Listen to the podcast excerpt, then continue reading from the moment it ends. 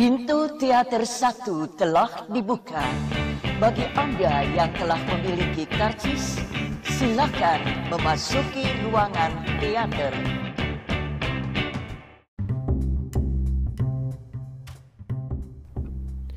Halo semuanya, balik lagi sama gue Mustafa di podcast Habis Nonton Film Kali ini gue baru aja nonton film Mid-90s karya sutradara Jonah Hill yang diproduksi oleh A24 sebuah rumah produksi yang cukup terkenal di kancah festival film internasional ya kalau kalian tahu film Moonlight itu karya A24 dan ada beberapa film lain lagi yang cukup populer tuh contohnya Room dan banyak deh pokoknya kalian cari aja A24 itu seperti itu tuh kayak antitesisnya film mainstream Hollywood gitu. Jadi ketika kalian nonton film-film karya mereka tuh kayak wow berani banget yang ngangkat isu-isu yang kayak gini dengan kemasan yang kayak gini gitu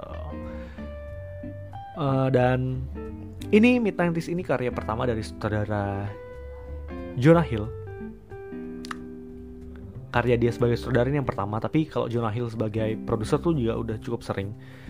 Kalau kalian lupa siapa atau nggak tahu siapa Jonah Hill, Jonah Hill itu yang main di film 21 Jump Street yang jadi uh, temannya Channing Tatum gitu dan ya dia aktor komedi yang cukup melanglang buana lah maksudnya kalau untuk dunia acting gitu. Dan ini bukan bukan hal baru untuk direct atau segala macam dan dia. Dan dia emang juga suka nge-produce film tapi ini baru film pertama dia yang dia yang dia sebagai sutradara. Dan menurut gue filmnya sangat sangat sangat sangat oke okay ya.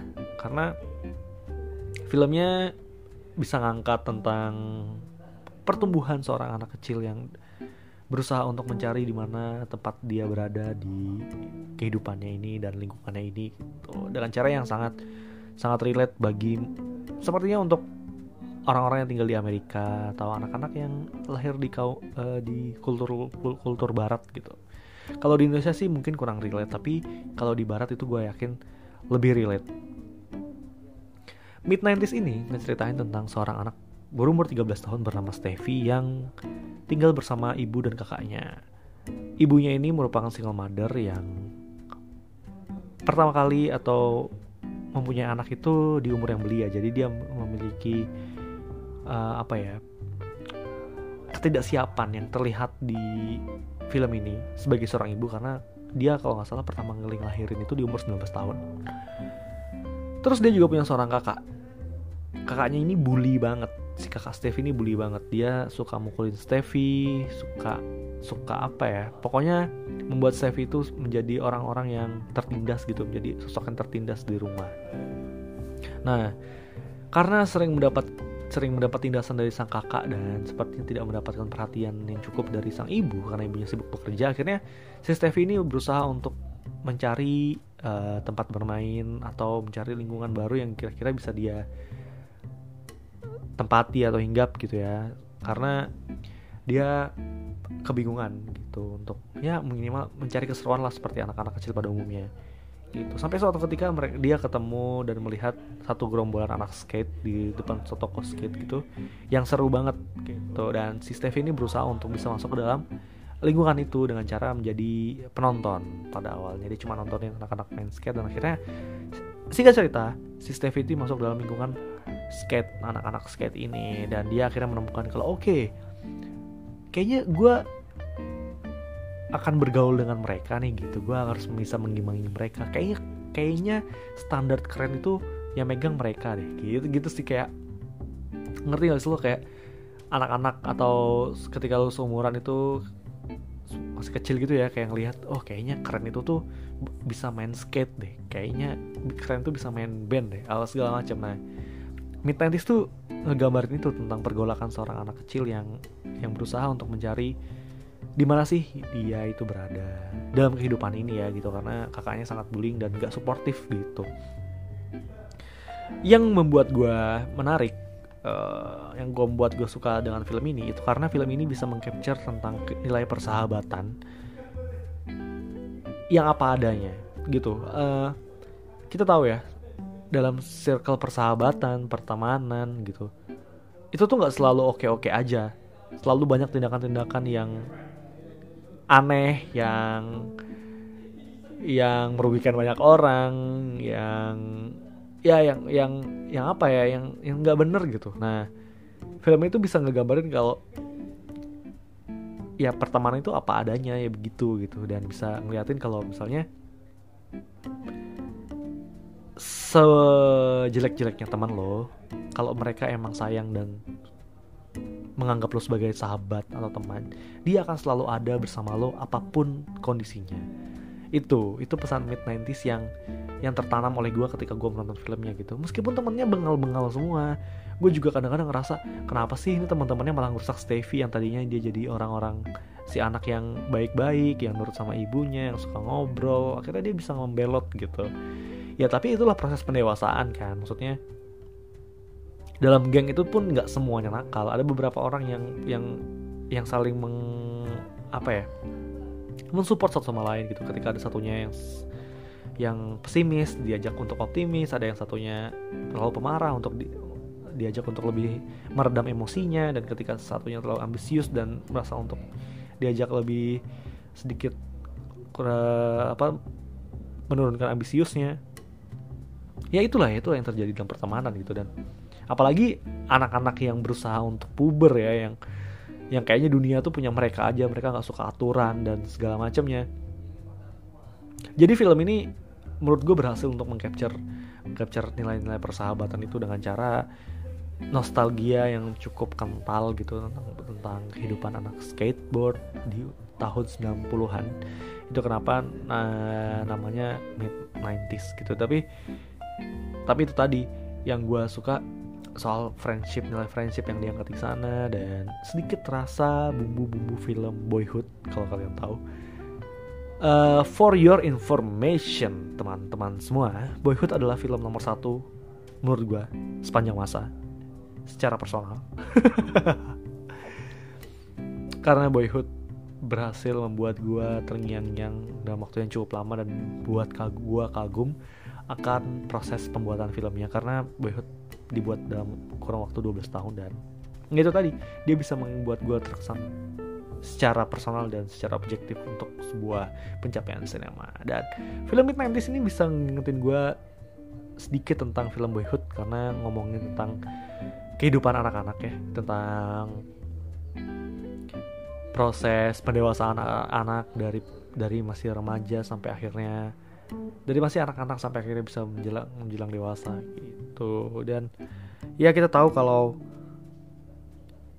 kalau proses pendewasaan anak-anak laki-laki itu emang emang berbeda-beda. Dan Stevie ini datang dari keluarga yang disfungsi yang dia juga mempunyai kakak yang sangat bully kepada dia gitu. Yang gue bikin gue tuh kesel banget. Bahkan kalau uh, kalian akan nonton filmnya dari awal scene aja itu tahu kalau kakaknya itu emang kacrut sih brengsek banget gitu. Uh, apalagi gue sih penasaran dengan karya Jonah Jonah Hill selanjutnya gitu. Apakah apakah film ini sekedar uh, meluapkan apa yang dia rasakan gitu dalam proses pembuatan film indie atau film alternatif gitu. Kalau dibilang indie sih nggak indie indie banget karena pada dasarnya A24 juga sebuah production house yang cukup besar gitu. Cuma emang dia menciptakan sebuah film dengan cerita yang tidak umum gitu yang yang tidak pada jalur utama gitu mainstream gitu. Kayak jadi A24 terlihat sangat stand out dalam segi cerita dan yang gue juga suka gue tuh tadi sempat nonton interview pendek gitu tentang Jonah Hill tentang film ini. Dia dia bilang kalau film ini tuh tidak berusaha untuk menjadi mo polisi moral gitu. Karena di era sekarang semuanya kan serba sensitif ya. Maksudnya ngomongin tentang homofobik atau pelecehan terhadap perempuan gitu meskipun di film ini di dilihatkan gitu ya. Tapi ya itu tadi film film ini tidak berusaha untuk menjadi polisi, polisi moral di tahun 90-an karena apa yang terjadi. Karena si Jonah Hill pun cuma ingin menceritakan apa yang terjadi di tahun 90-an gitu itu apa adanya. Dia tidak ingin ngasih tahu kalau oh, ini tuh jelek loh ini buruk loh. Enggak. Ini tuh apa adanya. Ini tuh loh ini loh yang terjadi di tahun 90-an dan film ini tuh banyak banget kata-kata kasar gitu yang kata-kata yang gak sopan rasis juga kadang-kadang dan yang itu ya itu yang terjadi di tahun 90-an gitu. Nggak mungkin dong Jonah Hill menciptakan uh, dialog atau konten yang dengan sensitivitas era 2018 gitu. Jadi pesannya malah nggak sampai dan nggak nggak jujur karyanya itu. Itu yang gue salut dengan film ini. Setelah gue nonton interviewnya oh ya ya gue baru sadar sih kenapa film ini berani dengan frontal itu. Karena ternyata Jonah Hill ingin meng mengutarakan apa yang sebenarnya terjadi di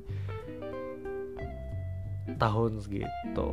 Kalau bicara soal kekurangannya gue sih ngerasa konflik utamanya kurang besar secara film. Uh, bisa bisa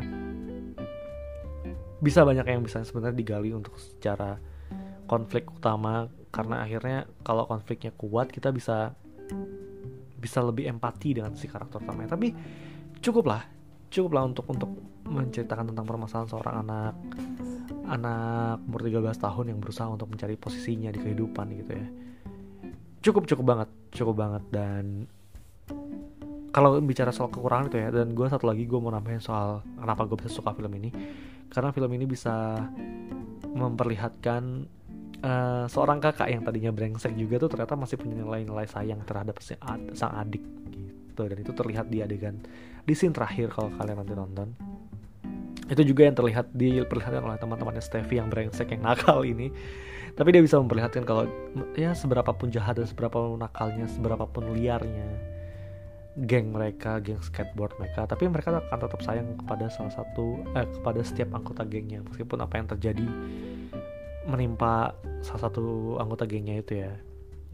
Itu dan gue suka film ini tuh ternyata punya tagline yang bagus yaitu fall get back up gitu. Kayak kayak ketika kita bermain skateboard aja gitu kalau jatuh ya bangun lagi coba lagi latihan lagi jatuh coba lagi lagi. Nah seperti hidup gitu. Kalau lu jatuh ya lu jangan jangan mau tetap meratapi luka yang lu, lu alami tapi lu bangun lagi lawan lagi kehidupan ini. Gitu sih.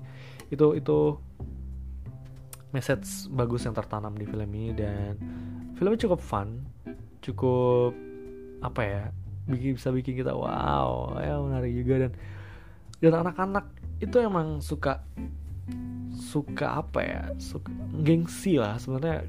Kita tuh kan pada dasarnya ketika kita jadi anak tuh gengsi kalau misalnya ditanya kamu udah pernah ini belum? Udah gimana? segala macam. Dan itu tergambar di seorang sosok Stevie yang dia berusaha untuk menjadi yang oke. Okay. dia tidak sebenarnya tujuan utama si Stevie menjalani cerita di film ini tuh cuma untuk menunjukkan kalau dia itu bukan sosok yang pengecut karena kakaknya tuh selalu menganggap Stevie itu seorang yang pengecut. Dan itu terbayarkan dan itu sangat terlihat di ujung film kalau Steve itu sama sekali bukan pengecut. Bahkan kakaknya tuh yang sangat terlihat pengecut. Itu yang ter terlihat jelas dan menurut gue sebagai keutuhan cerita gue suka karena karakternya punya masalah yang bisa dia selesaikan sendiri dan kita tahu kalau karakter ini berkembang dan karakter ini mempelajari banyak hal sampai akhirnya dia tahu kalau oke okay, gue tuh nggak pengecut gitu. Dan teman-temannya tahu ibunya tahu dan segala macam. Dan kakaknya tahu itu sih. Dan ya menarik filmnya Mid 90 kalian coba tonton. Film yang jarang karena terakhir kali gue nonton film yang ngomongin soal skate itu kalau nggak salah dulu ada film entah dokumenter atau fiksi itu bicarain tentang asal muasal skateboarding modern gitu. Jadi karena dulu kan skateboard itu belum ada tuh teknik-teknik flip flip ya flat gitu yang di lantai gitu ya. Tapi akhirnya Tony Hawk dan teman-teman tuh nggak salah bikin gimana gitu sampai akhirnya mereka bikin skateboard itu menjadi sesuatu yang lebih umum gitu dan lebih populer.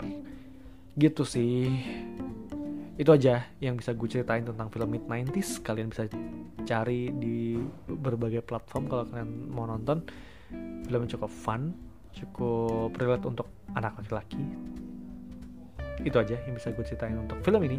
Sampai jumpa di episode selanjutnya. Dadah.